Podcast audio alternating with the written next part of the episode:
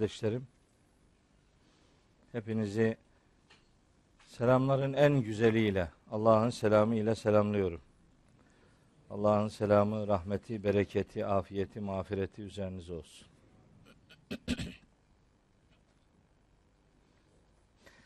Bugün nasip oldu. Yine huzurlarınızdayız. Hedefimiz Fatiha suresinin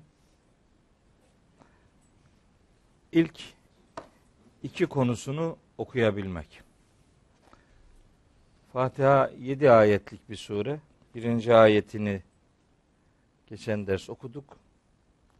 Besmele diye başladık. Fatiha'ya başlamış olabilmek için en azından. Şimdi ikinci ayetinden itibaren okuyacağız. Aslında Fatiha'yı bitireyim diyordum bu ders. Fakat kahramanlığın bir alemi yok, bitmeyeceğini anladım. Çünkü e, 6. ayette İhdina sıratel müstakim ayetinde belki bütün Kur'an-ı Kerim'i daha doğru anlamamıza vesile olacak bir hidayet kavramı dersi yapmak istiyorum.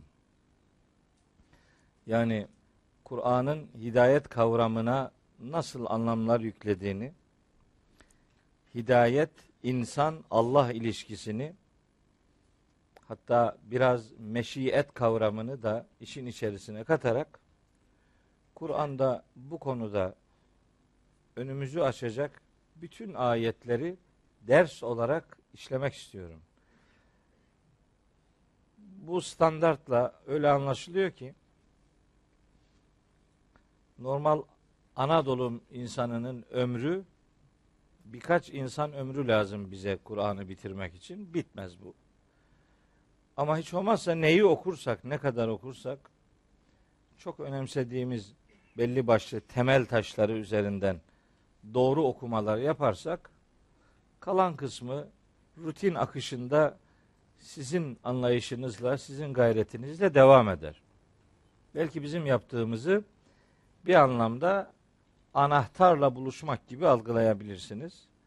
Doğru şeyler ve kalıcı şeyler olsun istiyorum bu derslerden sonra geriye görebildiklerimizden hareketle diğer konuları çözebileceğimiz bir metot sahibi olalım arzusundayım. Yoksa Kur'an'ı bitirmek mümkün değildir. Kur'an'ın tamamını öğrendim bu iş tamamdır demek tam bir aldanıştır. Böyle bir yanlışlık elbet yapmayacağız. Bu vesileyle Fatiha'nın ikinci ayeti ile başlayalım. Bir bakalım biraz teknik bilgiler de vereceğim inşallah bugün. Biraz teknik, biraz usul, biraz tefsir. Böylece ayetlerle diyalogumuzu sıcak tutmaya gayret edeceğiz. Rabbim bana öncelikle söyleyeceklerimi doğru söyleyebilmeyi lütfeylesin. Size de dinleyeceklerinizi doğru dinlemeyi, doğru anlamayı ve anladıkça da hayatımıza yansıtabilmeyi nasip ve müyesser eylesin. Evet Fatiha Kur'an'ın açılış suresidir dedik. Fatiha'nın her ayeti değil, her kelimesi bile Kur'an'da onlarca, yüzlerce ayetle doğrudan konu ilişkisine sahip bir dizaynla Cenab-ı Hak tarafından belirlenmiş, bize öğretilmiş, sunulmuş. Öyle ki mesela Elhamdülillahi Rabbil Alemin bu kısacık dört kelimeden oluşan bu ayet bile Kur'an'da emin olun sayısını tahmin edemeyeceğiniz kadar ayetle doğrudan ilişkilidir. Mesela elhamdü kelimesi hamd Kur'an'daki bütün hamd, zikir ve tesbih kavramlarını içerir. Hatta hamd, medih, şükür kavramlarını da içerir. Öyle baktığınız zaman ne kadar tesbih, ne kadar zikir, ne kadar şükür, ne kadar medih ve ne kadar hamd içerikli ayet varsa şu elhamdü kelimesi onları görür. Hatta buradaki elhamdü kelimesi onlara bir projektörlük vazifesi görür. Onun için Fatiha'yı çok önemsiyoruz. Fatiha'nın anlamını çok önemsiyoruz. Bu sureyi doğru anlarsak yolumuz inşallah açık olacak diye dua ve niyazda bulunuyoruz. Bismillah. Elhamdülillahi Rabbil alemin. Hamd, alemlerin Rabbi Allah içindir. Nedir hamd? Fatiha'nın üç tane konusu var. Bunlardan birincisi hamd ki bu hamd Cenab-ı Hakk'ın bazı sıfatlarını da içeren bir konudur. İkincisi kulluk ve tevhid. Beşinci ayetin konusu. Üçüncü konu ise sırat-ı müstakim üzere kalabilmek için, olabilmek için dua. Üç konusu var. Bu üç konudan birincisi hamd konusu. Öteden beri düşünmüşümdür. Acaba neden bu ilk sure hamd ile başlıyor? Acaba vahyin indirildiği dönemde nasıl bir sorun vardı ki bu sure şöyle başlayabilirdi yani ilk sure olması itibariyle. Yani Bismillahillezî la ilahe illahu Allah'tan başka ilah yoktur mesajını verecek bir cümleyle başlayabilirdi. Veya Cenab-ı Hakk'ın kudretine vurgu yapan bir cümleyle başlayabilirdi. Böyle başlamamış da hamd ile başlamış. Elbet bunun bir sebebi vardır. Vahyin indirilmeye başlandığı dönemde gerçekten çok ciddi bir hamd sorunu yaşanıyordu o toplumda. Neydi bu sorun? Bir, Yahudiler, bir kısım Yahudi, Hazreti Üzeyr'e tanrılık isnat ediyorlardı. Ona övgüler dizdiriyorlardı. Bir kısım Hristiyanlar Hazreti İsa'ya övgüler dizdiriyorlardı. Ona ilahlık isnat ediyorlardı. Mekkeli müşriklerin çok büyük bir kısmı meleklere Allah'ın kızı nispetinde bulunarak Allah'a ulaştırsınlar diye bir melek aracılığı kurumu geliştirmiş ve melekleri putlaştırarak onlara kendilerince hamd sunmaya gayret ediyorlardı. Yahudi ve Hristiyanların önemli bir bölümü kendilerini Allah'ın oğulları, Allah'ın sevgilileri olarak tanıtıyorlardı. Yani korkunç bir övgü rahatsızlığı vardı. Yanlış varlıklara, hatalı varlıklara hamd nispet ediyorlardı. Öyle bir ayet ile başladı ki Cenab-ı Hak bu ayetle bütün yanlış hamd kabulleri reddedilmiş ve gerçek manada hamdin sadece Allah'a ait olduğu Kur'an'ın ilk suresinin ilk konusunun ilk cümlesi olarak dizayn edilmiş, belirlenmiş, ümmetin algısına sunulmuştur. Yani her ne ki övgünün konusu yapılacaksa o şey doğru belirlenmelidir. Bakın hamd kavramı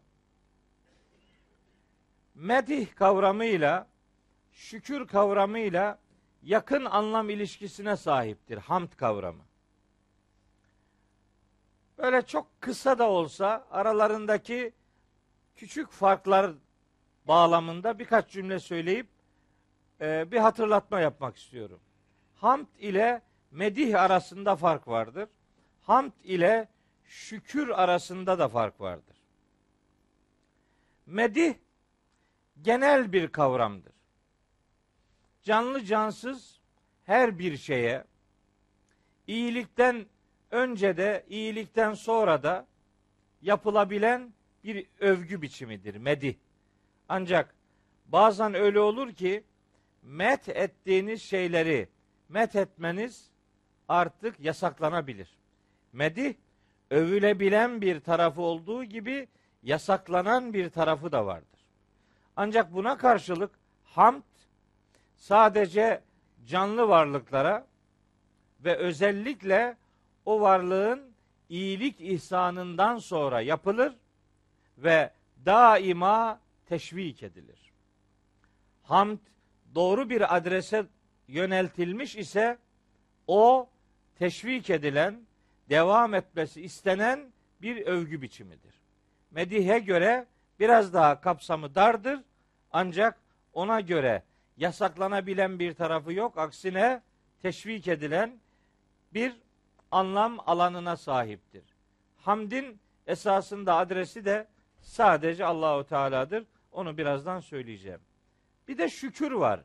Hamd kavramıyla yakın ilişkili şükür kavramı var. Şükür de daha çok insanın kendisine yapılan iyiliklerden sonra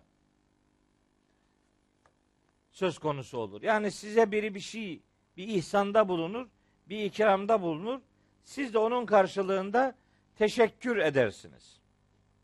Şükrün böyle birebir görülebilen, hissedilebilen kişinin kendisine yönelik bir iyiliğin karşılığında dile getirdiğimiz bir şükran ifadesidir. Şükür. Bunun karşılığında hamd sadece kişinin kendisine değil, başka varlıklara da bilinse de bilinmese de, görülse de görülmese de, anlaşılsa da anlaşılmasa da, başkalarına karşı da yapılan iyiliğin ve ihsanın bir övgüsü olarak beyan edilebilir. Şimdi ne demek istediğimi şöyle bir açıklayayım. Bakın. Biz hamd Allah'adır diyoruz. Cenab-ı Hak öyle söylüyor. Hamd Allah'adır. Ne demek bu?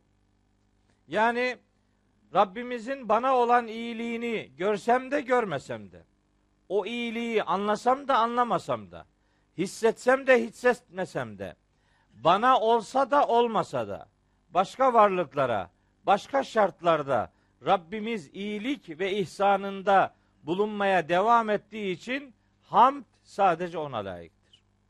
Hamdin hamd edenle sınırlı bir tarafı yoktur. Sadece bana yönelik bir iyiliğin karşılığı değildir hamd. Başkalarına yönelik iyilikler için de bir teşekkür boyutu vardır hamdin. Şükrün kişiye özel bir şükranlık manası vardır. Hamdin ise çok daha genel, çok daha başka varlıkları hesaba kattığımızı bize öğreten bir anlam boyutu vardır. Sırf bunun içindir ki mesela surenin ilk ayeti ya da Fatiha'nın ilk konusunun ilk cümlesi Elhamdü lillahi diye başlamıştır. Elhamdülillahi. Hamd Allah içindir. Aslında bu insanlar Allah'a hamd ediyor oldukları için mesela Ahmedu lillahi rabbil alemin denebilirdi. Ahmedu fiil olarak yani. Fiil olarak gelmiyor. İsim olarak geliyor. İsim olarak gelmesi bu hamd işleminin sürekliliğini, devamlılığını ortaya koymak gibi bir gayeye matuf bir kullanımdır. Ahmedu daha zamanla sınırlı bir kavramdır. Bir ifade biçimidir. Oysa elhamdü çok daha geniş kapsamı oldukça e, geniş bir ifade biçimidir. Elhamdünün isim olarak gelmesi bizi, başka varlıkları şimdi ve her zaman iyilikleriyle buluşturduğu için Cenab-ı Hakk'a yönelik bir teşekkür, bir övgü ifadesidir. Elhamdü lillahi geniş bir kavramdır. Ahmedü lillahi'ye göre daha farklı, daha boyutu fazla bir anlam alanı oluşturur. Bu kavram elhamdu ya da hamd kavramı Kur'an'da 43 defa geçer bu. Ve 5 surenin de ilk kelimesi olarak gelir elhamdü. hamd ile başlayan beş sure vardır. İşte biri Fatiha, diğeri En'am, diğeri Kehf, bir diğeri Sebe, beşincisi de Fatır. Beş sure hamd ile başlar. Devamlılık manası son derece önemlidir.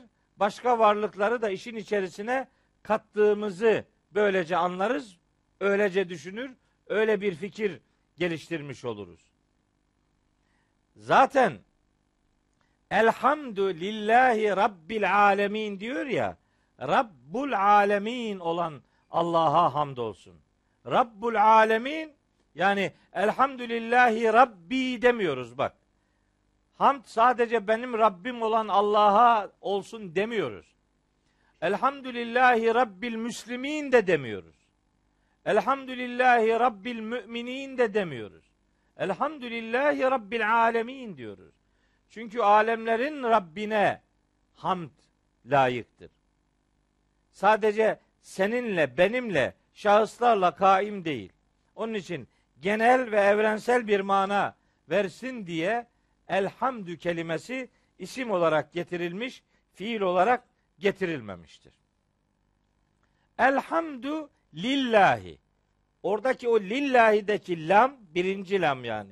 Lillahi li aidiyet manası verir. Mahsusiyet manası verir. Yani söylenmek istenen şudur.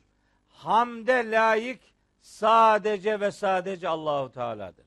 Başkaları hamde layık değildir. Hamd Allah'a yapılır. Medih başka varlıklara da yapılır. Şükür başka varlıklara da yapılır. Mesela insanlar birbirleriyle ilişkilerinde birbirlerine teşekkür ederler. Ama hamd etmek fiili Allah'a özel bir fiildir. Elhamdülillahideki lam hamdin Allah'a özel olduğunu, ona ait olduğunu ortaya koyan bir tahsis edatıdır. Elhamdülillah hamd sadece Allah'a aittir, başkasına değil. Mesela şöyle ayetler vardır. Ve huvallahu la ilahe illahu. Allah kendisinden başka ilah olmayan yegane kudrettir. Lehul hamdu fil ula vel ahire. En başlangıçta da en sonunda da hamd sadece ona aittir. Lehul hamdu.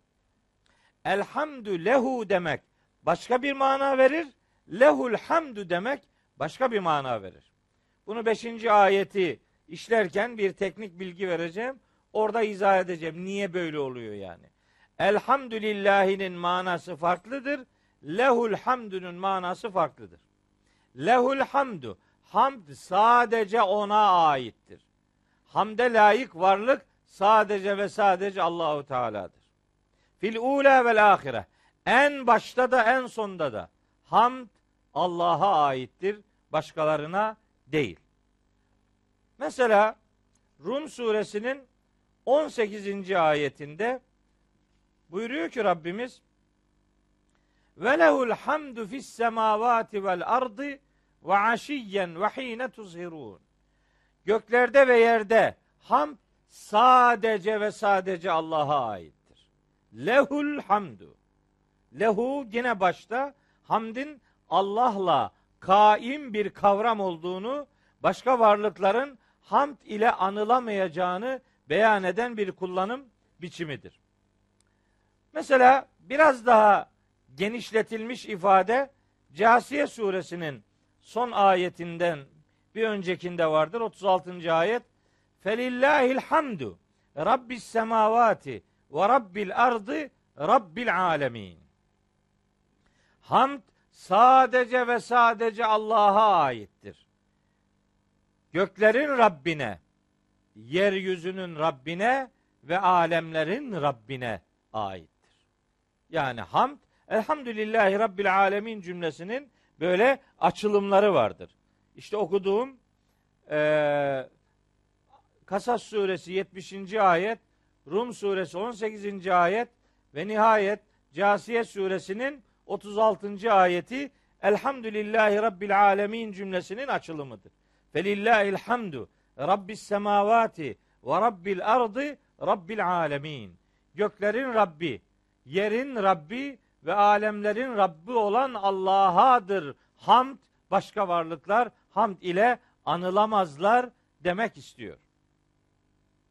Bir ayet daha bu bağlamda hatırlatayım. O da Yunus suresinin 10. ayeti.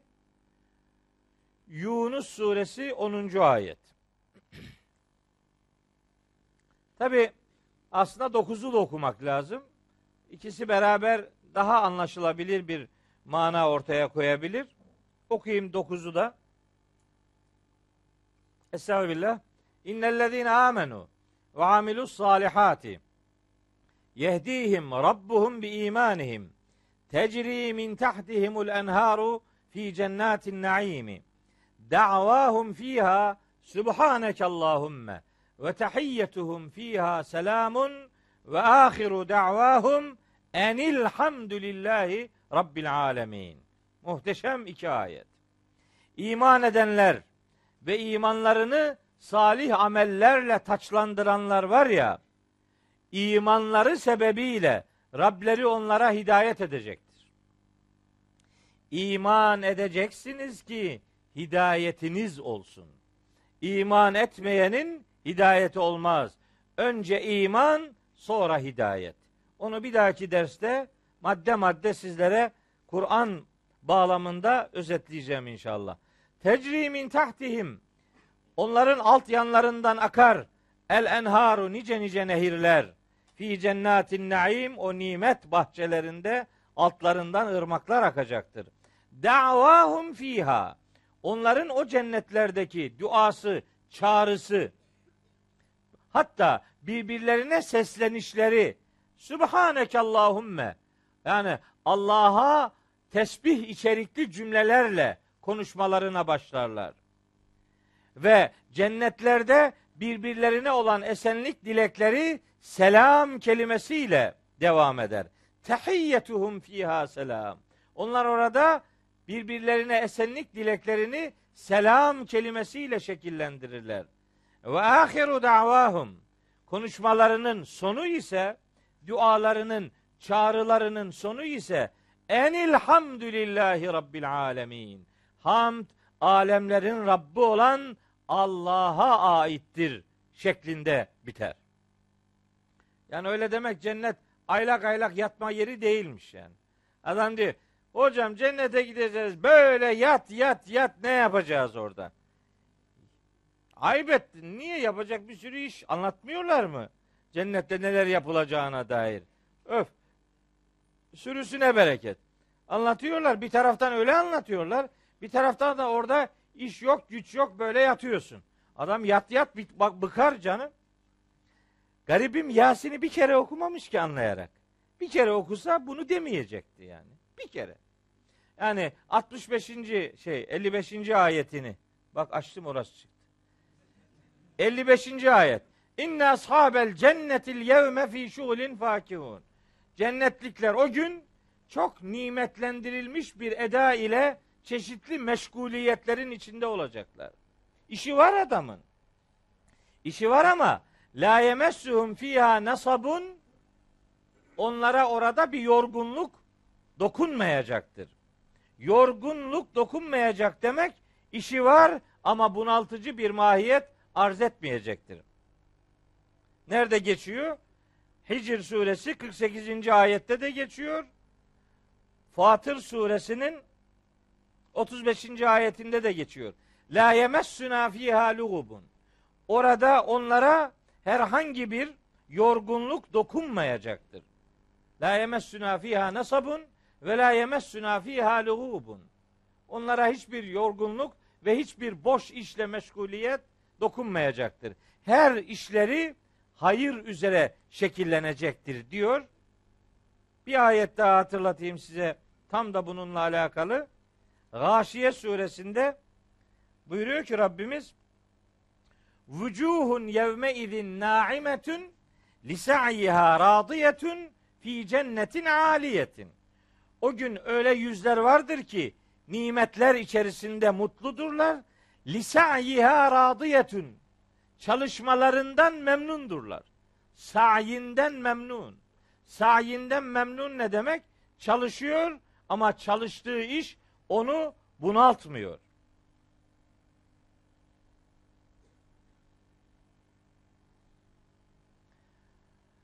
Hem çalışmaları vardır memnuniyet verici hem yaşadıkları hayat memnuniyet vericidir. Hayatın memnuniyet vericiliği bağlamında Hakka suresinin 21 ve 22. ayetlerinde de beyan vardır. Onu da bu vesileyle size söylemiş olayım. Demek ki cennet öyle aylak aylak yatma yeri değildir. Orada iş güç vardır. Fakat onu iş güç adamı bunaltan türden değildir. İnsana yorgunluk veren türden de değildir.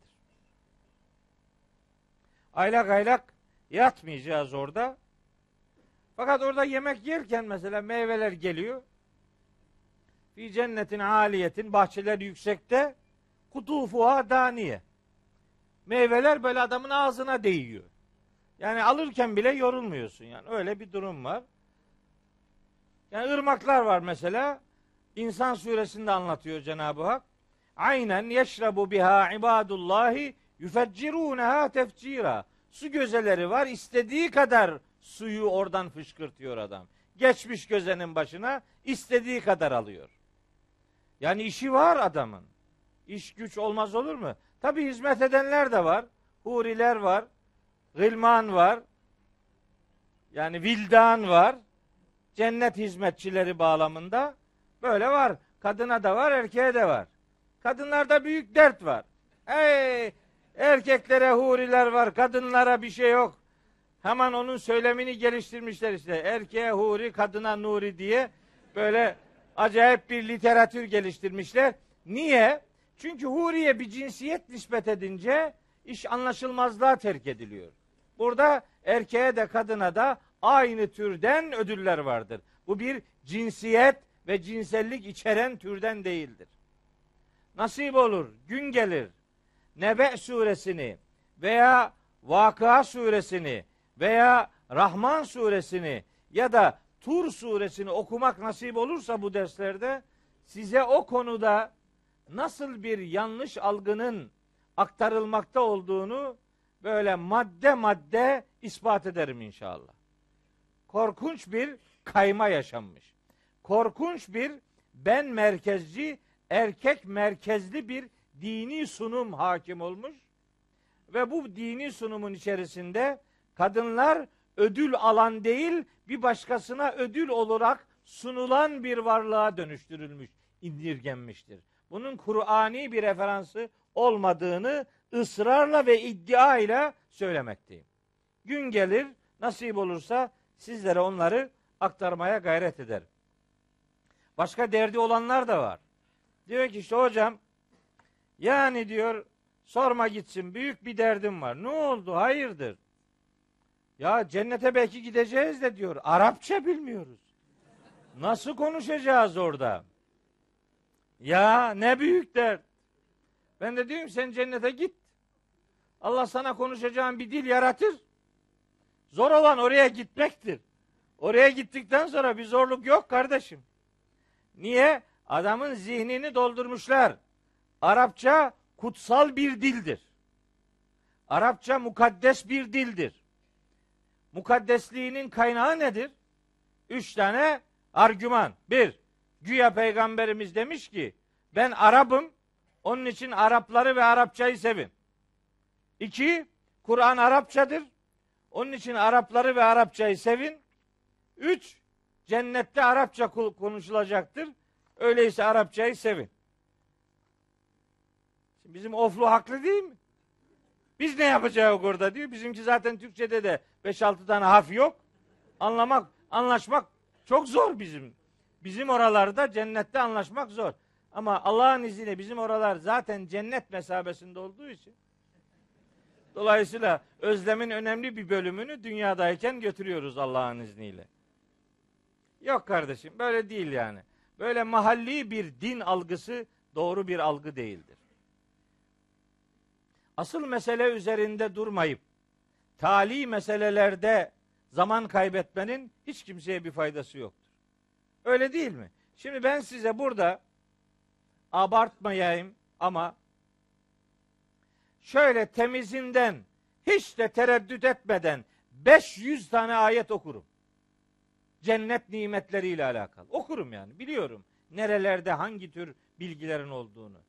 Böyle cennet nimetlerinden böyle efendim kalem kalem deste deste size anlatabilirim. Anlatayım. Fakat ne olacak? Cennete gidemedikten sonra o nimetin bolluğunun sana ne faydası var? Yine gidemediğin yerin güzelliğinden sana ne? Öyleyse akıllı olmak oraya gidebilecek bir duyarlılık içerisinde hayatı yaşamayı başarmaktır.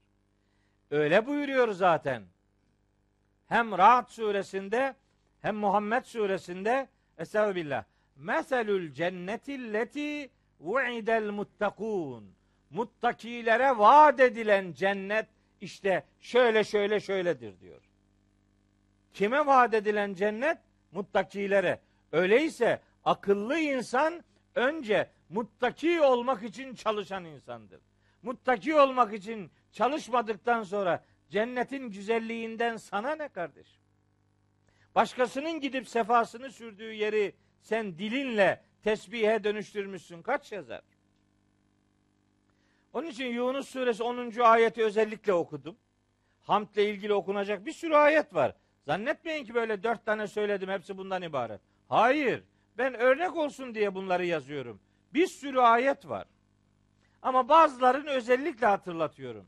Mesela Yunus 10. ayeti şunun için hatırlattım. Ve ahiru da'vahum enilhamdülillahi rabbil alemin. Onların sözlerinin sonu hamd alemlerin Rabbi Allah'adır manasındadır. O sözü orada söyleyebilmek için o söze uygun bir hayatı dünyada yaşamak gerekir. Dünyada bu hayatı yaşamayan orada bu sözü söyleme imkanı bulamayacaktır. Burası ekim yeridir, orası biçmek yeridir. Ekmeden biçilmez. Bir yerde hesabınız varsa, hesabınızda para varsa para çekersiniz. Hesabınızda para yoksa para çekemezsiniz. Bir okul düşünün ki oraya kaydolmamışsanız oradan mezun olamazsınız. Diploma almak istiyorsanız önce okula kaydolmanız lazım. Kaydolmadığınız okuldan diploma alamazsınız. İman bir kayıt merkezidir.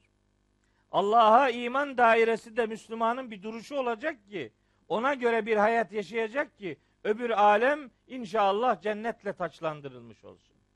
Mesele böyle. O, o detayı sizlere çok daha fazla anlatmak istemiyorum. Rabbul alemin. Elhamdülillahi Rabbil alemin. Rab kavramı üzerinde de, alem kavramı üzerinde de çok detay vermek istemiyorum. Niye? Çünkü mesela sadece Rab kelimesinin Kur'an'da kullanım alanı oldukça geniş bir kavram olduğunu biliyorum. Şu kadarını söyleyeyim. Kelimeler her geçtiği yerde her zaman aynı anlamı vermez. Bu ince detayı bilmediği için ya da bu detayı göz ardı ettiği için bazı meal yazarları korkunç hatalar yapıyorlar. Şimdi Rab kavramının efendi, sahip manasına geldiğini bilmeyen bir yazar mesela Yusuf suresindeki Rab kelimesini Allah diye tercüme edebiliyor. Olmaz. Bunun sahip, efendi manası var. Bu her yerde ilah anlamına gelmez. Yusuf suresinde bilebildiğim kadarıyla üç ayette Rab kelimesi efendi manasına yani o hanenin sahibi manasına geliyor. Söyleyeyim yerlerini bir tanesini yazmıştım ama gerisini yazmadım. E mesela 23. ayet. Kale maadallahi innehu rabbi ahsene mesvaye. İnnehu rabbi oradaki rabbi Rabbim ifadesi sahibim bu evin sahibi demektir. Allah manasında Rab kelimesi burada buradaki o manaya gelmez. Mesela mesela 42. ayet ve kâle lillezî zanne ennehu nâcim minhumâ üzkürnî inde rabbik. Rabbinin yanında beni hatırla. Rabbinin yanında dediği efendinin yanında, sahibinin yanında demektir. Buradaki Rab Allah manasına gelmez. Başka da var. Mesela bir tane daha söyleyeyim. 50. ayet ve kâlel melikü tûni bih felemma câehur rasûl kâl erci' ilâ rabbike fes'elhu mâ bâlün nisve Melik, yönetici Yusuf'u hapishaneden çağırıyor. Bir rüya görüyor. Bunu kim yorumlayacak diye filan. Hapishanede Hazreti Yusuf'un arkadaşlarından biri diyor ki orada bir arkadaş vardı. Çok güzel rüya yorumluyordu. Bu Melik'in rüyasını da o yorumlayabilir. Ben onu size e, size tavsiye ederim diyor yöneticiye. O da onu bana getirin diyor. Felemma cahu yanına geldiğinde er resulü. Buradaki Resul kelimesine de peygamber demesinler mi? Halbuki elçi ulak işte o hapishanedeki arkadaş demek bu. Bu er Resul kelimesi her yerde peygamber manasına gelmez. Rab kelimesi her yerde Allah manasına gelmediği gibi. Ya ne kadar korkunç bir bilgi eksikliği. İşte o elçi yanına gelince Gale Yusuf dedi ki irci ila rabbike. Rabbine dön. Rabbine dön. Allah'a dön demek değil. Sahibine, o melike, o yöneticinin yanına git demektir. Oradaki Rab Allah demek değildir. İşte bu sayfayı açınca şu 52. ayeti okumadan olmaz yani. Fatiha kalacaksa da kalsın. Şimdi bu 52. ayet var. Burayı açmasam iyiydi ama açtık burayı. Hatta not alırken 42. ayet diye yazdım ya. 12 42 diye. O 12 koyu yazdıklarım surenin sıra numarasıdır. Ee, Taksim'den sonraki ayet numarasıdır. Anladık mı? Böyle anlamamış gibi bakıyor bir kısmı da yani. Ben mi anlatamıyorum diye şüpheleniyorum. O 12 Yusuf demektir. 12. 42 de ayet numarası. 42'yi yazayım dedim. 50'yi yazarsam laf uzayacak dedim. Fakat uzadı gene. Ama çok temel bir şey söyleyeyim. Bak teşekkür bana teşekkür edeceksiniz. Aa bu şimdi söyleyeceğimden dolayı. Emin olun. E, yani hep mamak gibi bir yanlışlık yapmayın yani. Pazarlık yapıyoruz şimdi. Şimdi çağırıyor Hazreti Yusuf'u adam yönetici gitmiyor. Diyor ki sor o efendine ki ellerini kestiklerinde o kadınların durumu neydi? Hapse girişini sorguluyor. Sor bakalım beni buraya niye attı bu adamlar? Ben niye bu zindandayım? Bunun sebebini o kadınlara sor. Rabbim onların tuzaklarını çok iyi bilir. 50. ayeti okudum. 51. ayet. Kâle mâhat bükünne. Dedi ki yönetici Melik kadınlara durumunuz neydi sizin? İzravettünne Yusuf'a an nefsihi. Bu Yusuf'tan yararlanmak istediğiniz zaman mesele neydi? Ne yapmıştınız Yusuf'a? Kulne. Onlar da demişti ki o kadınlar haşa lillahi ma alimna aleyhi min su'in. Yani biz ondan haşa hiçbir kötülük görmedik. Galet imraetül azizi. Aziz'in hanımı dedi ki istirham ediyorum dikkat edin. Galet dedi ki imraetül azizi o azizin hanımı yani Züleyha dedi ki el ane şimdi has hasal hakku hak ortaya çıktı artık. Ene ben ravettuhu an nefsihi ondan yararlanmak isteyen bendim diyor. Hani Yusuf suresinin o 23. ayetinden itibaren anlatılan konu. Ondan yararlanmak isteyen bendim. Ve innehu lemines sadikin. Yusuf sadıklardan biriydi. Bir yanlışlık yapmadı diyor. Suç benimdi. İtiraf ediyor. Ve devam ediyor. Zalike. Bu böyle diyor. Bu gerçektir ve böyledir. Bu itirafta bulunuyorum şunun için. Liya'leme. Yusuf bilsin ki enni lem ehunhu bil gaybi. Onun bulunmadığı bu ortamda ona hıyanetlik yapmıyorum artık. Ona bir yanlışlık yaptık. Şimdi onun bulunmadığı bu ortamda bir yanlışlık, bir ihanet içerisine girmiyorum. Ve ennallâhe ve zaten Allah la yehdi keydel hainin. Bu hainlerin tuzaklarını da başarıya ulaştırmıyor. Uğraştık ama olmadı. Devam ediyor. 53. ayet. ve ma überri'u nefsi. Ben nefsimi temize de çıkarmıyorum. İnnen nefse zaten bu benim nefsim le emmâratun bis-sû'i. Sürekli kötülükler emrediyor bana. Bu söz Yusuf'un değil, Züleyha'nın sözü. Yusuf'un sözü diye anlatıyorlar bunu. Yusuf dedi ki böyle böyle. Yusuf demedi. Yusuf'un suçu yok. Yusuf nefsine emma le emmâretun bisu sözünü Yusuf niye söylesin ki? Ne yaptı Yusuf? Yusuf sadece bir mazlum idi. Haksız haksız hapishaneye yatırılmıştı. Ama bizim bazı öğretilerimizde nefsin mertebeleri var. Nefsi emmare.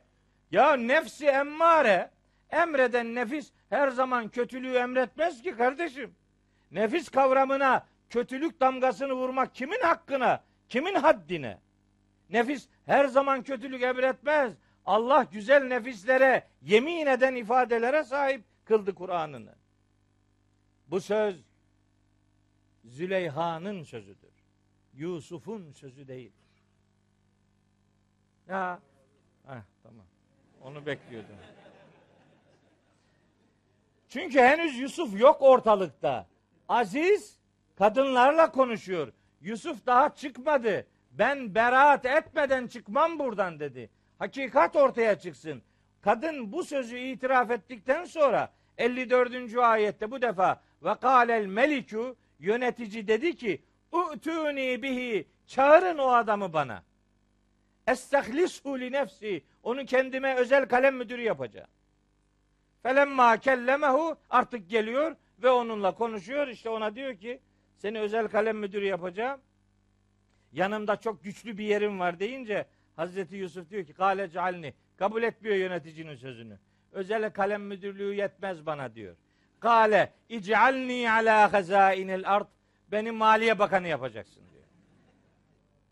Bazen derler ya göreve talip olunmaz görev verilir. Yemezler. Bak bunun Yusufi sünneti var burada. Yusufi sünnet göreve talip olmaya da müsaittir.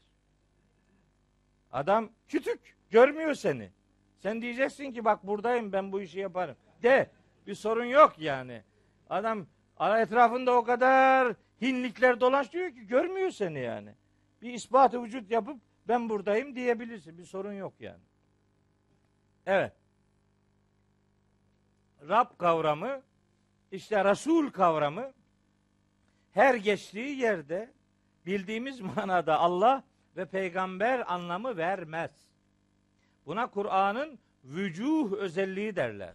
Çok anlamlılığı özelliği derler. Bunu bilmeden meal yaptı mı işte karışır. Hatta size bunu bilmeden yapılan bir yanlışlık daha söyleyeyim. Vakti zamanında şimdilerde yok da bundan bir 10 sene veya 15 sene öncelerde bazı Kur'anlar basılıyordu. Ha bu tarafta benim Rizeliler gibi çift çaprazıma kali.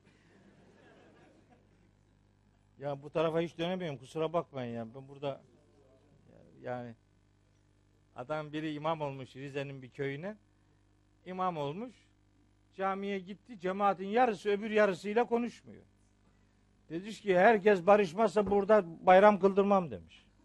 Herkes barışacak. Herkesi barıştırmışlar. Bir tanesi barışmıyor öbürüyle. Demiş ona ki hoca bak barış kıldırmayacağım bu bayramı demiş. Burada barışmamış adam kalmayacak. Adam demiş ki hoca efendi yapma gözünü seveyim.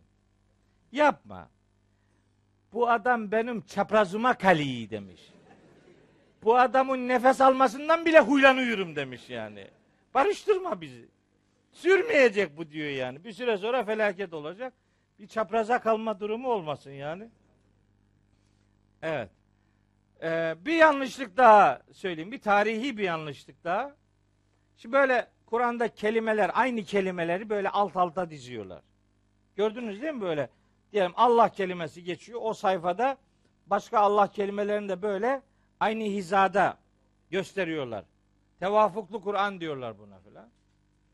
Ha, tevafuklu güzel oluyor. Adı çok güzel de bunlar ilk basıldığı zaman bunların tevafukun örneklerinden bir tanesi de Naziat suresindeki 24. ayette fekale ene rabbukumul a'la cümlesindeki Rab kelimesi. Bu Rabb'ı aşağıda Allah'la irtibatlandırdılar.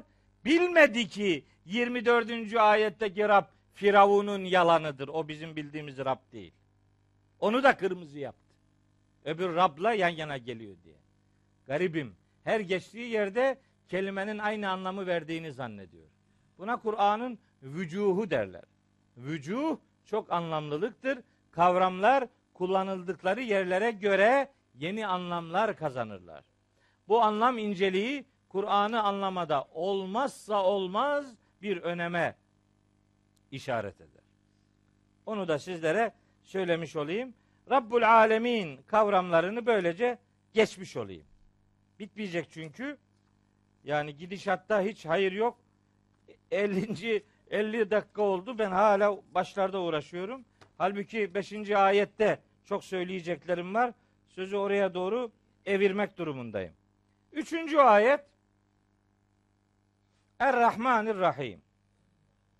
Rahman ve Rahim kavramları üzerinde Besmele'yi işlerken de durmamıştım. Niye durmamıştım? Çünkü bu kavramlar üzerinde sözün tükenmeyeceği türden iki kavram.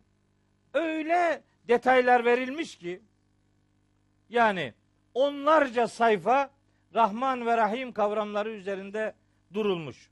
Ama Rahman'ı rahmetin merhametin kaynağı, Rahim'i merhametin tecelli ettiricisi manasında özetleyebiliriz. Fakat Fahrettin Razi şöyle bir ayrım yapıyor. Ben Fahrettin Razi görünce adını dururum. Fahrettin Razi'yi çok severim. Onun tahlillerine sözün caiz olsun bayılırım yani.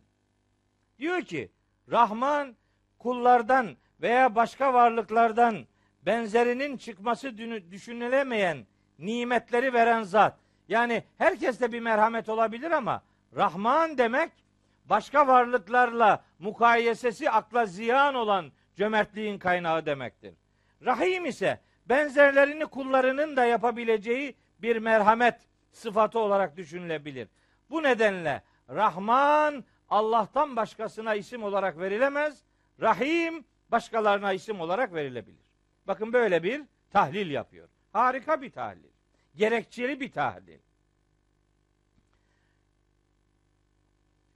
Mesela Elmalılı'yı da çok severim. Çok e, kaynak olarak istifade ettiğim bir e, büyüğümüz. Allah ona da rahmet eylesin. Allah'ın Rahman oluşu, Rahim oluşu mukayesesini yapıyor. Diyor ki Allah'ın Rahman oluşu onun ezel ezeliliğine, Rahim oluşu da onun bekasına, ölümsüzlüğüne göredir. Yaratıklar yüce Allah'ın Rahman olması nedeniyle başlangıçtaki rahmetinden, Rahim olmasıyla da sonuçta meydana gelecek merhametinden doğan nimetler içerisinde büyürler, varlıklarını devam ettirirler. Belki bunun için Allah'a nispetle Allahu Rahmanu dünya ve Rahimul ahiret denmiştir. Yani Allah dünyanın Rahmanı, ahiretin Rahimidir demişler. Demişler. Oysa Allah hem dünyanın hem ahiretin hem Rahmanıdır hem Rahimidir. Yani Cenab-ı Hakk'ın bir sıfatını dünyaya hapsetmek, bir başka sıfatını ahirete hapsetmek çok doğru bir yaklaşım değildir. Allahu Rahmanu dünya ve Rahimul ahire ifadesi evrilmelidir. Allah dünyanın da ahiretin de hem Rahmanıdır hem Rahimidir demiş olalım. Evet. Dördüncü ayet. Maliki yevmiddin. Allah din gününün sahibidir de. Çok önemli bir ayet. Çok çok önemli bir ayet. Ne kadar önemli? Bu ayet benim hayatımda tam beş yılımı almıştır. Bu ayeti doğru anlayabilme noktasında Kur'an-ı Kerim'e göre kabir kavramı ve kıyamet ahiret süreci diye bir çalışma yapmıştım. o çalışmayı bu ayet merkezinde yürütmüştüm. Yıllarca çalıştım. O kadar o kadar emek sarf ettiğim çok nadir çalışmalarım vardır. Bu ayet Allah'ı doğru tanımanın, Kur'an'ı doğru anlamanın vazgeçilmez kilometre taşlarından bir tanesidir. Anlam şu. Maliki yevmiddin. Allah alemlerin Rabbidir. Rahmandır, Rahim'dir ve din gününün de sahibidir. Allah din gününün sahibidir demek, Allah hesap gününün sahibidir demektir. Bunu meal yazarları böyle tercüme ederler ve bu tercüme doğrudur. Din kavramının Kur'an'da 8-10 tane anlam dünyası var. Din her geldiği yerde din manasına gelmez. Bunun hesap manası, tevhid manası, ceza manası, hüküm, kanun manası, itaat manası, adet, gelenek manası, yol manası, fıtrat manası, yasa, düzen manası, borç manası vardır. Bu kavram çok geniş anlam alanına sahip bir kavramdır. Din kavramı. Her geldiği yerde standart anlam vermez bu. Bu okuduğumuz ayetteki din kelimesi de doğrudan kelimenin kök anlamından hareketle hesap demektir. Din günü hesap günü. Deyn borç demektir. Din kişinin Allah'a olan borcunun sistemli bir şekilde öğrenildiği ve borcun ifasına çalışıldığı kurumun adına derler din. Biz Allah'a karşı borçluyuz. O borcu nasıl ifa edeceğimizi öğreten prensipler bütününe din denir. Borçluluğumuzu bize öğreten ve borçtan kurtulmanın yollarını bizlere talim eden kuruma din denir. Bir borç, borçluluk kurumudur. Biz Rabbimize borçluyuz. Kulluğumuzla o borcu ifa etmeye gayret ediyoruz. Din günü nasıl bir günmüş bu? Maliki yevmiddin ayeti İnfitar suresinde biraz açılımla bize hatırlatılıyor. Bakın İnfitar suresinin 17, 18 ve 19. ayetleri var. Din gününü anlatır bunlar. Mürselat suresinde de var, başka yerlerde de var. Örnek olarak bir tanesini sizlere hatırlatayım istiyorum. Ve ma edrake ma yevmuddini. Sümme ma edrake ma yevmuddini. Yevme la temliku nefsun li nefsin şey'en. Vel emru yevme izin lillahi. Ve ma edrake. Bu ve ma edrake ifadeleri var Kur'an'da. Bili, biliyoruz değil mi? Ve ma edrake. Bunun konusunu yaptım mı burada ben hiç? Yapmadım. Şimdi söyleyeyim. Peşinen bir Allah razı olsun daha bekliyorum. Peşinen bekliyorum. Pazarlıklı. Ne olmuş? Dua ediyoruz birbirimize yani. yani Allah razı olsun. Amin. Sizden de razı olsun. Bak ne güzel bir dua işte yani. Zaten burası şu anda tesbih yeridir. Elimizde tesbih yok ama dilimizde var. Sadece dilimizde tesbih yok. Üstelik bir de zikir ediyoruz şimdi. Asıl zikir içini Kur'an'ın doldurduğu zikirdir. İçinde Kur'an olmayan zikire sadece ritüel derler. Ve ma edrake. Mesela size birkaç tane ve ma edrake hatırlatayım. Ve ma edrake mel hakkatu. Ve ma edrake ma sakar. Ve ma edrake ma yevmuddin. Ve ma edrake ma yevmul fasl. Ve ma edrake ma illiyyun. Ve ma edrake ma siccin. Ve ma edrake mel akabe. Ve ma edrake mel kari'e. Ve ma edrake mahiye. Ve ma edrakeler var böyle.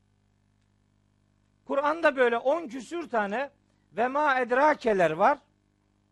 Üç tane de ve ma yudrike var. Bu ve ma yudrikelerin biri Ahzab suresinin 60 üçüncü ayeti de bir diğeri Şura suresinin 17. ayetinde üçüncüsü ise Abese suresinin hemen üçüncü ayetinde. Bir de Vema Yudrike var. Üç tane Vema Yudrike, on on iki tane Vema Edrake var. Şimdi Vema Edrake'nin tercümesi şu. Vema Edrake sana kavratan ne olabilir ki? Edrake'nin kökü dereke edreke değildir ha sakın. Edrake'nin kökü deradır. Dera, dera dirayet etmek demek, düşünmek, akletmek demektir. Dera. Oradaki ke sana demek. Ve ma edrake. Sana düşündüren ne olabilir ki? Ma din. Din gününün ne olduğunu. Sen bunu nereden bilebilirsin ki? Kur'an öteden beri söylüyorum. Arapça bir metne sahiptir. Rabça bir anlama sahiptir. Kur'an'ın metni Arapçadır, manası Rabçadır. Yani Arapçayı bilen herkes Kur'an'ı anlayamaz. Öyle olsaydı bütün Araplar allame olurdu. Öyle bir şey yok. Kur'an'ın metni Arapçadır, manası Rabçadır. Bu şu demektir. Kur'an'da Arapça kelimeler kullanılıyor olsa da bu kelimelerin çok önemli bir bölümünün içini Cenab-ı Hak ekstra manalarla doldurmuştur. Onun için kelimenin sözlük anlamıyla bu olmaz. Rabça anlam derinliğine vakıf olmak lazım. Kur'an'da ne kadar ve ma edrake ifadeleri varsa onların cevabını Cenab-ı Hak vermiştir. Yani demek istemiştir ki ey peygamber peygamber olsan da bunu ben sana bildirmediğim sürece sen bunu bilemezsin. Burada vahyin müdahalesi şarttır. Vahiy müdahale etmeden insan idraki bu meseleyi çözemez. Senin bileceğin şeyler değil bunlar. Ben bildirirsem bilirsin demeye getiriyor. Ve ma edrakeler. Her nerede ve ma edrake demişse peşinden onun açıklamasını yapmıştır Allahu Teala. Mesela ve ma edrake mel akabe. Beled suresinde geçer. Felaktehamel akabe. İnsanoğlu nankör insan o sarp yokuşa tırmanmadı. Ve ma edrake mel akabe. Sen bu akabenin ne olduğunu nereden bileceksin? Akabeyi biliyor ama. Yokuş, tümsek, tepecik demek. Bunu herkes biliyor. Ama Cenab-ı Hak bu senin bildiğin gibi değil diyor. Bunun başka bir manası var. Neymiş? Fekkü rakabetin bir köleyi hürriyetine kavuşturmaktır. Akabe köleyi hürriyetine kavuşturmaktır. Hatta İbn Abbas'a buradan rahmet okuyalım. İbn Abbas diyor ki fekkü rakabe köleyi hürriyetine kavuşturmak manasına gelir eyvallah. Ama fekkü rakabe aslında kişinin kendi boynunu mahşerde cehennemden kurtarması demektir. İbn Abbas'a hayran olunmaz mı? Bu ne muhteşem zekaymış. Allah makamını cennet etsin. Evet, benim hocalarımdan biridir İbn Abbas'ın adını gördün mü durur. Burada bir sıra dışı bir şey var. Tabi peygamberimiz ona dua etmiş. Allahümme fakkihu fid din ve allimhu et tevile. Bana da etseydi ben de yapardım onu. Yani ona öyle dua, özel dua etmiş. Ey Rabbim onu dinde anlayış sahibi kıl ve olayların arka planını ona öğret diye özel duası var. Müstecap bir dua onun ağzından böyle harika tefsirlere dönüşmüştür. Fekkü rakabe boynunu ateşten korumaktır demiş. Bak akabeye farklı bir mana vermiş. Rabça bir mana yüklemiş. Ve ma edrake ma sakar. Sakar yakıcı ateş demektir. Ama diyor ki sen bu sakarın ne olduğunu nereden bileceksin? La tubqi ve la teder. Levvahatun lil beşer aleyha tis'ate aşer. Müddessir suresindeki sakar cehenneminin ne olduğunu Cenab-ı Hak kendisi açıklıyor. İşte nerede ve ma edrake varsa onların cevabını Rabbimiz vermiştir. Hepsini. Ama üç tane ve ma yudrike ifadesi vardır. Bunların cevabını vermemiştir. Ve ma yudrike sana kavratabilecek olan nedir ki? Lealle saate tekunu gariba. O son saat belki çok yakındır. Ve ma yudrike lealle saate. Hem sana kim idrak ettirebilir ki o son saat belki yakındır. Bu son saatle alakalıdır iki tanesi. Yani Ahzab 63 ve Şura 17. ayetteki ve maidrikelerin ikisi de son saatle alakalıdır. Allah son saatin bilgisini kimseye vermemiştir. Peygamber dahil hiç kimse bilmiyor. Son saatin anını zamanını kimseye bildirmemiştir. O üçüncü kullanım abesedeki kullanım ve ma yudrike leallehu yezzekka ayetinde hem sen nereden bileceksin? Belki o ama sahabi e, öğüt alacak. Gerçeği hatırlayacak. Bu da gayb konusudur. Ve ma yudrike ile sorduğu soruların cevabını kimseye bildirmemiştir. Ama ve ma edrake ile sorduğu soruların cevabını bizatihi kendisi vermiştir. Böyle bir teknik ifadesi var. Şimdi düşünün Tarık suresi var. Ve semai ve tarik ve ma edrake ma tarik en necmus takip. Biz akşam bir ders yapıyoruz şeyde. Kaldığımız yerde. Var mı oradan kimse burada? Ha, bu arkadaş bir kişi. Ulan bir kişi var ya. Bir de bir tefsir dersi daha başlattık biz böyle kaldığımız yerde. Bir böyle dar bir grupla akşam Tarık suresine başladık. Güya bitirecektik. Her zamanki gibi bitmedi. 10 ayet okuduk. Gece bittik bıraktık. Orada biraz anlattım. Ve ma edrake Tarık. Ve semai ve Tarık. Semaya ve Tarık'a yemin olsun. Ve ma edrake Tarık. Tarık'ın ne olduğunu sen nereden bileceksin? Tarık'ın ne olduğunu herkes biliyor. Tarık yıldız demek. Gece ansızın ışığıyla gelen ışık kaynağı yıldız. Ve ma edrake met Tarık. Bu Tarık'ın ne olduğunu sana ne idrak ettirmiş olabilir ki diyor. Sonra açıklıyor. En necmus sakip. Karanlığı delip geçen yıldız. E ama onu biliyorduk zaten. Yani orada sıra dışı bir mana yok. Oradaki en necmus sakibe normal yıldız manası verirsen bildiğin manadır. Ama oradaki en necmus sakip cehalet karanlıklarını delip geçen vahyin aydınlığı manasını verirsen işte sıra dışı bir anlam devreye girer. Zaten bu anlam zorunludur. Çünkü surenin 13. ayetindeki hu zamiri o en necm kelimesine vahiy manası vermemizi zorunlu kılmaktadır. Öyle 3. ayettekine vahiy demeden 13. ayetteki zamire o Kur'an manasını vermek çok isabetli bir bakış değildir. Bu ve ma edrakeler böyle harika bir Kur'an estetiğidir. Muhatabı sarsan ve ilahi bilgilendirmelerle insanların zihninin inşa olacağını onlara öğreten harikulade bir Kur'an üslubudur ve ma edrakeler ve onun beraberinde ve ma yudrike cümleleri. Evet. Ve ma edrake ma yevmuddin. Bu din gününün, hesap gününün ne olduğunu yahut ne zaman olduğunu sana kavratan ne olabilir ki? Sümme tekrar ve tekrar ma edrake ma yevmuddin.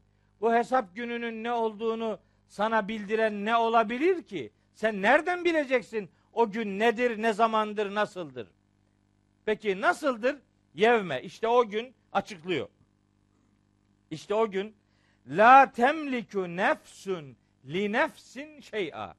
Hiçbir can başka hiçbir can için hiçbir şeye sahip olamaz.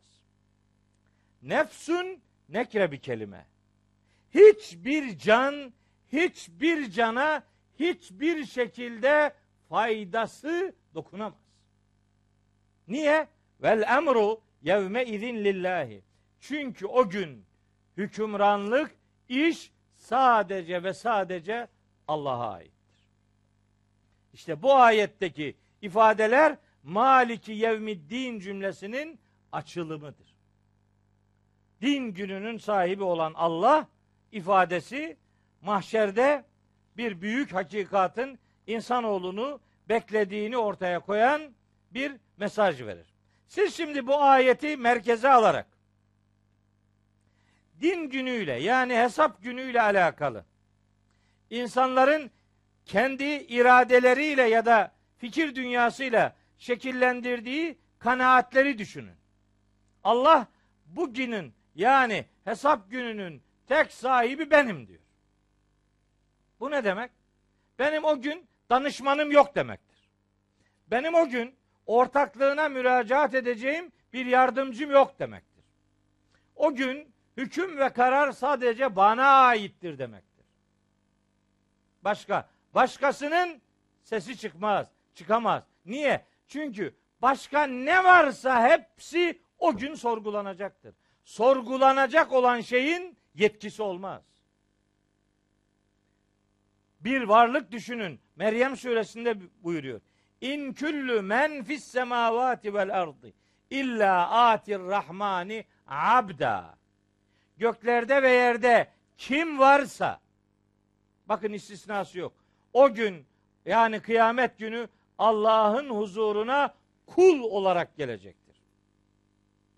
Ve küllühüm atihi yevmel kıyameti ferda. O gün her biri fert olarak Allah'ın huzuruna hesap vermek üzere gelecektir. Bunun istisnası yok.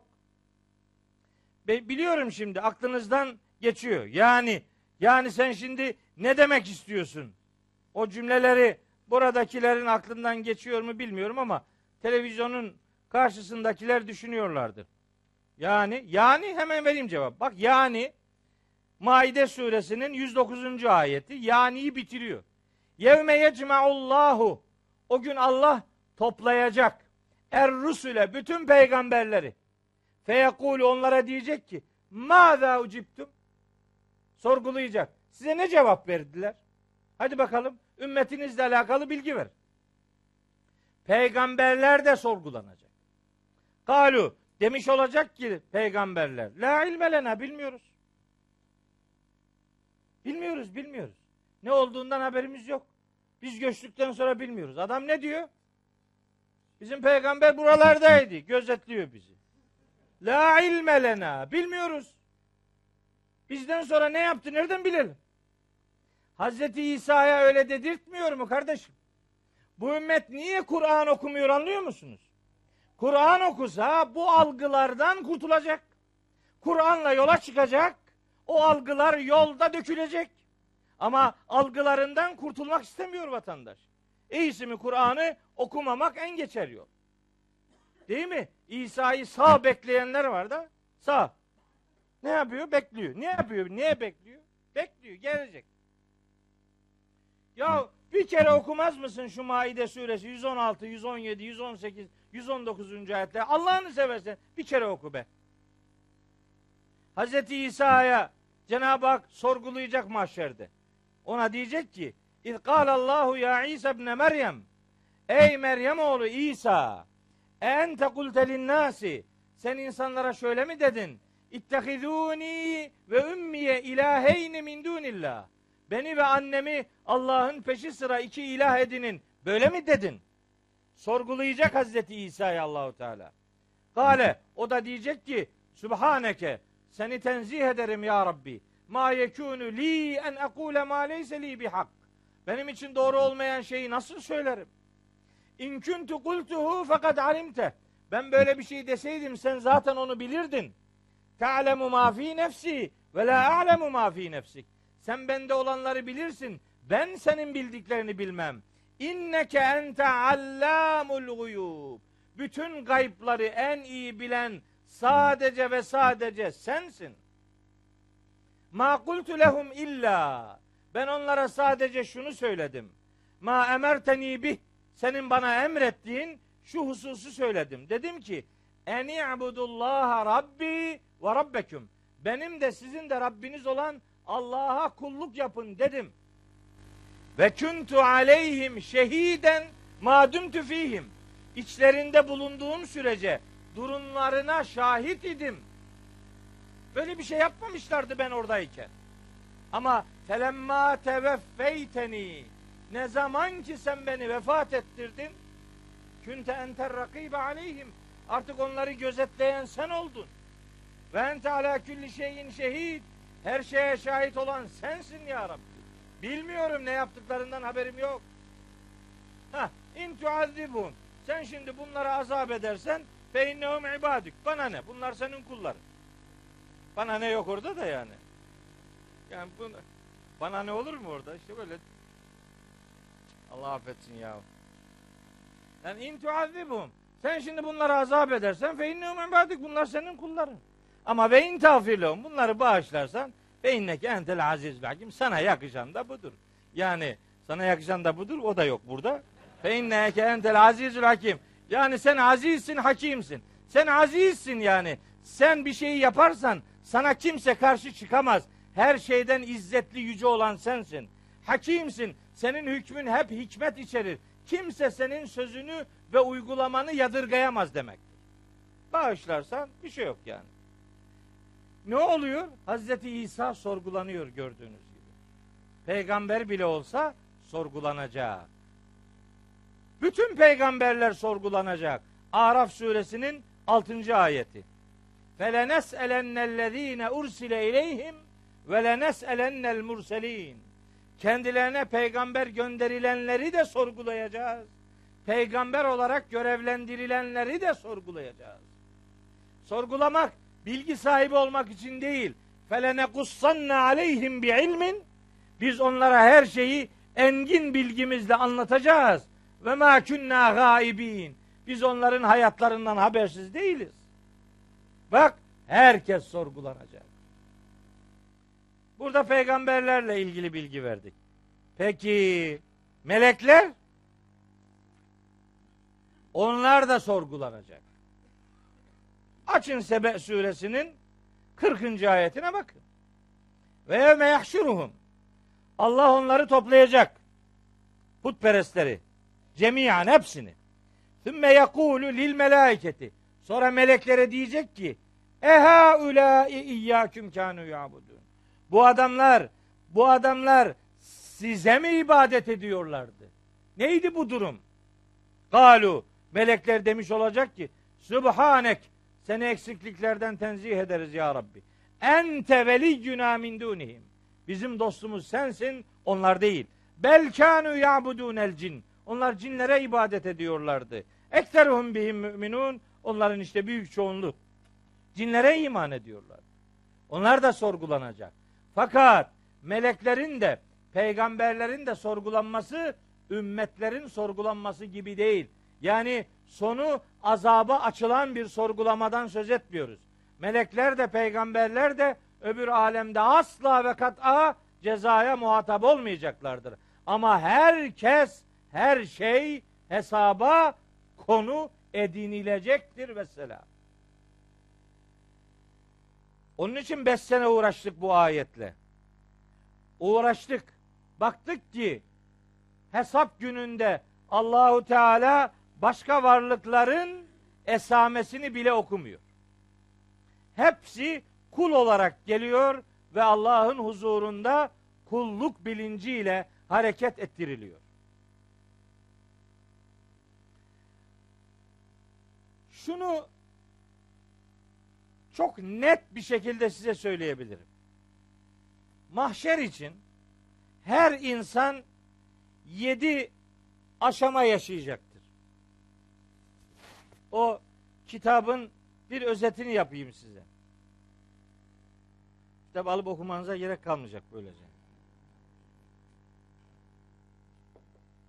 Böyle kitabını reklam etmekten nefret ederim. Ya böyle acayip bir ahlak var. Hanım şimdi böyle kitapları dizliyorsun masaya. Herkes görsün. Ne olacak? Satılsın. Bir de imza günü var ya. Hayatta yapma. Hayatta yapma. Konferanstan sonra hocam kitap getir satalım. Allah Allah. Ben burada tüccar mıyım? Esnaflık mı yapıyorum? Kitabı pazarlayacağız öyle mi? Çok ayıp. Ben bana çok ayıp geliyor. Yapan yapsın ama ben hayatta öyle bir şey yapmam. Hiç öğrenmek isteyen çaresini bulur öğrenir yani. Bunun pazarlamasını yapmak çok benim fıtratıma aykırı bir şey. Ben anlatayım size. Ulaştığım sonuç şu. Meselenin kabirle ilişkili boyutunu geçiyorum. Onu zaten burada derslerde konusu gelecek. Onlardan söz ederiz.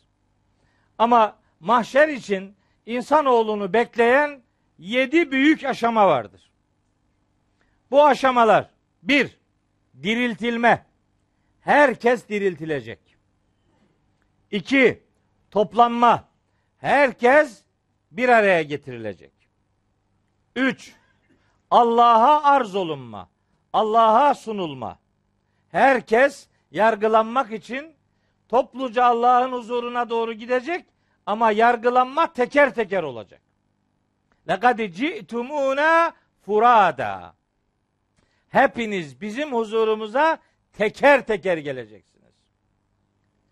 Allah'ın huzuruna topluca çıkılacak ama yargılama teker teker yapılacak. Yargılama teker teker. Dört, bilgilendirilme. Bilgilendirmeden yargılama yapılmayacak. Bu bilgilendirmede amel defterinin verilmesi bir aşamadır.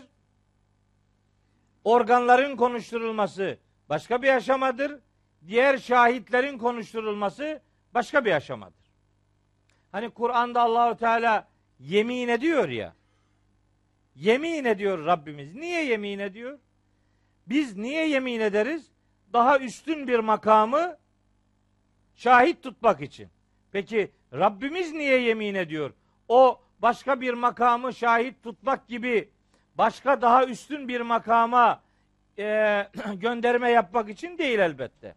Rabbimizin Kur'an'ında yemin ifadelerine yer vermesinin sebebi yemin edilen şeyler her ne ise onların insanlara şahit tutulacağını onlara öğretmektir.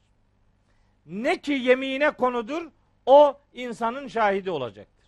Bu unutulmasın. Yer şahittir, gök şahittir. Güneş şahittir, ay şahittir. Yıldızlar şahittir. Canlı canlı nesneler şahittir. İnsanlar şahittir, melekler şahittir. Organlar şahittir. Hasılı kelam. Her bir şey insanın şahidi olacaktır. Ve o şahitler mahşer sabahı şehadette bulunacaktır. Size korkunç bir şahitlik bilgisi vereyim. Sonra geri kalan e, maddeleri söyleyeceğim. Hud suresinin 18. ayeti var. Hud 18.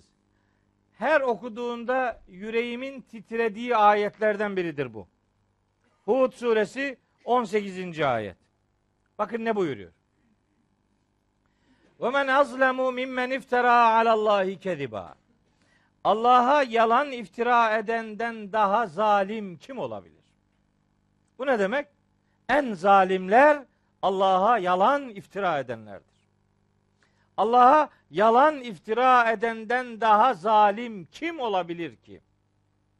Ulaike işte bu zalimler yu'radun ala rabbihim Rablerine arz olunacaklar. Rablerine sunulacaklar. Dedim ya üçüncü maddede Allah'a arz olunma işte bu. Ve yekulul eşhadu mahşerin şahitleri diyecek ki o sunulmada ha ula illezine kezebu ala rabbihim işte bunlar var ya Rablerine yalan isnat edenlerdir. Kimden bahsediyor? Din adına konuşurken, Allah adına konuşurken Allah'ı konuşturmayan adamlar. Allah'ın demediğini demiş gibi satanlar ya da dedeni, dediğini dememiş gibi gizleyenler. Allah'a yalan iftira edenler mahşer sabahı özel bir oturuma muhatap kılınacaklardır. Ve mahşerin şahitleri onlarla alakalı şehadette bulunarak diyecekler ki haula illezine kezebu ala rabbihim. İşte bunlar var ya Rablerine yalan isnat eden adamlar bunlardır. Ela lanetullahi ala zalimin. Dikkat edin. Allah'ın laneti bu zalimlerin üzerine olsun. Mahşerin ne kadar şahidi varsa Allah adına yalan konuşanlar aleyhinde şahitlik yapacaklardır. Bu zalimler lanete konu edinileceklerdir. Ellezine yasuddune an sebilillah. Bunlar insanları Allah yolundan engelliyorlardı ve yebhuneha iveca. Allah'ın yolunu eğri büğrü gösteriyorlardı. Ve hum bil ahiretihum kafirun. Onlar ahiretle alakalı da gerçeğin üzerini örten bir sahte tutum içerisindelerdi. Ya şahitler devreye girecek. Bilgilendirmede bir amel defterleri, iki organların konuşturulması, üç bütün şahitler. Allah kıssa edecek. Allah olayları anlatacak, haber verecek. Bu arada insanların kendi organları da konuşacak. Öyle değil mi? El yevme nehtimu ala efvahihim. Yasin 65. ayet. O gün onların ağızlarını mühürleriz. Ve tükellimuna eydihim. Bize elleri konuşur. Ve teşhedü erculuhum. Ayakları şahitlik eder. Bir makanu yeksibun. Dünyada kazandıklarıyla ilgili ayakları şahitlik eder. Nur suresi 24. ayet. Orada diyor ki Allahu Teala Yevme teşhedü aleyhim elsinetuhum ve eydihim ve erculuhum bima kanu yamelun. O gün onlara dilleri, elleri ve yaptıklarıyla alakalı ayakları aleyhte şahitlik yapacaktır. Teşhedü ala aleyhte şahitlik yapmak demektir. İradenle suçunu inkar etsen de dilinin hücreleri gerçeği haykıracaktır. Senin iraden yalan konuşmaya tevessül etse de dilinin hücreleri hakikati haykıracaktır. Başka ayetler de var. Fussilet suresinde var mesela. Hatta idâ mâ câuha. Onlar mahşere geldiklerinde şehide aleyhim. Onlar aleyhinde şahitlik yapacak. Sem'uhum kulakları ve absaruhum gözleri ve culuduhum derileri bima kânû ya'melûn. Her ne yapmışlarsa onlarla ilgili kulaklar, gözler ve deriler şahitlik yapacak. Kıyamet suresinde hani biz onların parmak uçlarını bile yeniden düzenlemeye kadiriz diyor ya. Bela kadirine ala en nusevviye benane. İşte onun sebebi bu. Deriler, parmak uçları konuşacak. Parmak izi faili meçhulleri aydınlatıyor ya. Adamın ağzı ne kadar inkar ederse etsin parmağı konuşuyor. Parmak izi konuşuyor. Onlar her biri silinmez bir kayıtla kayıt altına alınıyor. Ve kalu insanlar diyecekler ki licüludihim aleyhlerinde şahitlik yapan derilerine diyecekler ki lime şehittim aleyna ya niye aleyhimize şahitlik yapıyorsunuz? Kalu cevap en takanallahu lezi en taka külle şeyin her şeyi konuşturan Allah bizi de konuşturmuştur. Ve ve halakaküm evvele merre. Sizi de ilk yaratan odur ve ileyhi turcaun. Zaten ona döndürülüyorsunuz gördüğünüz gibi. Her şey konuşacak. Her şey şahitlik yapacak.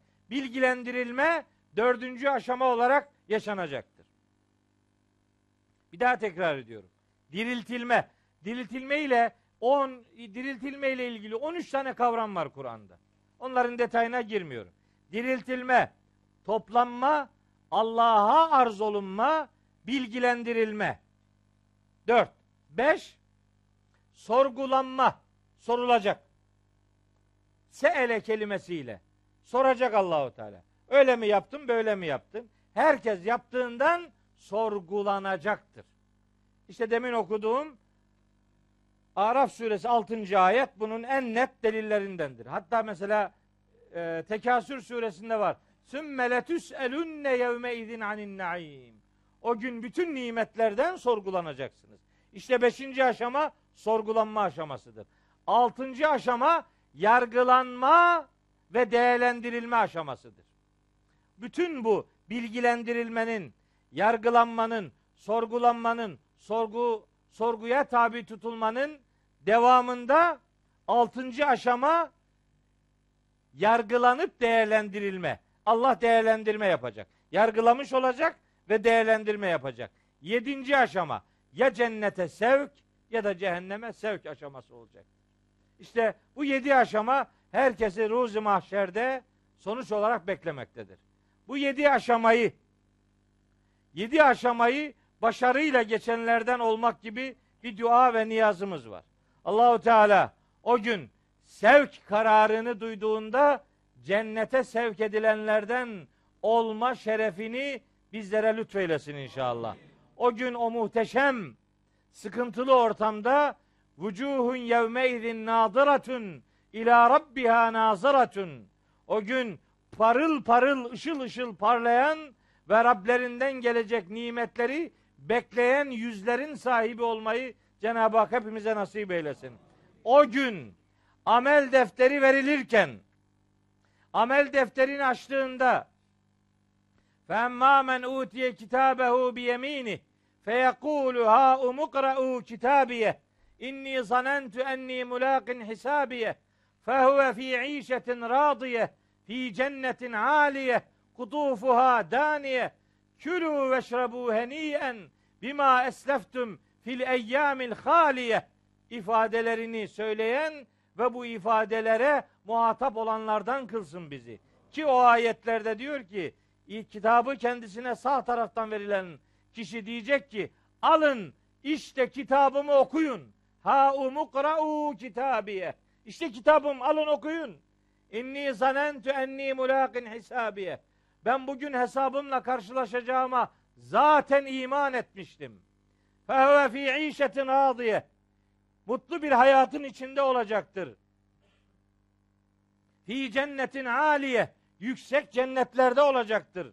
Kutufuha daniye. Meyveleri onun ta ağzına ağzına yaklaştırılacaktır. Ve onlara denecektir ki külü veşrebu heniyen. Şimdi afiyetle yiyin için bima esleftüm fil eyyamil haliye. Geçtiğiniz alemde yaptığınız fedakarlıkların karşılığı olarak şimdi nimetleri yiyin ve için denecektir. Ama ve emmâ men utiye kitabehu bişimali. Ya kitabı kendisine sol taraftan verilene gelince. Feyekulu. O da diyecek ki ya leyteni lem ute kitabiye. Ne olaydım keşke şu kitabım bana verilmemiş olsaydı. Ve lem edri ma hisabiye. Ne olaydım keşke hesabımın ne olduğunu bilmeseydim. Ya leyteha ne olaydı keşke kânetil kâdiye ölümle her şey bitseydi. Ma agna anni maliye malımın bana bir faydası olmadı. Heleke anni sultaniye ne güzel şaşam debdebem hatırım vardı. Hepsi yok olup gitti. Feryadında bulunacak. Rabbim amel defterini sağ tarafından alanlardan eylesin. Sol tarafından alıp feryat edenlerden uzak eylesin.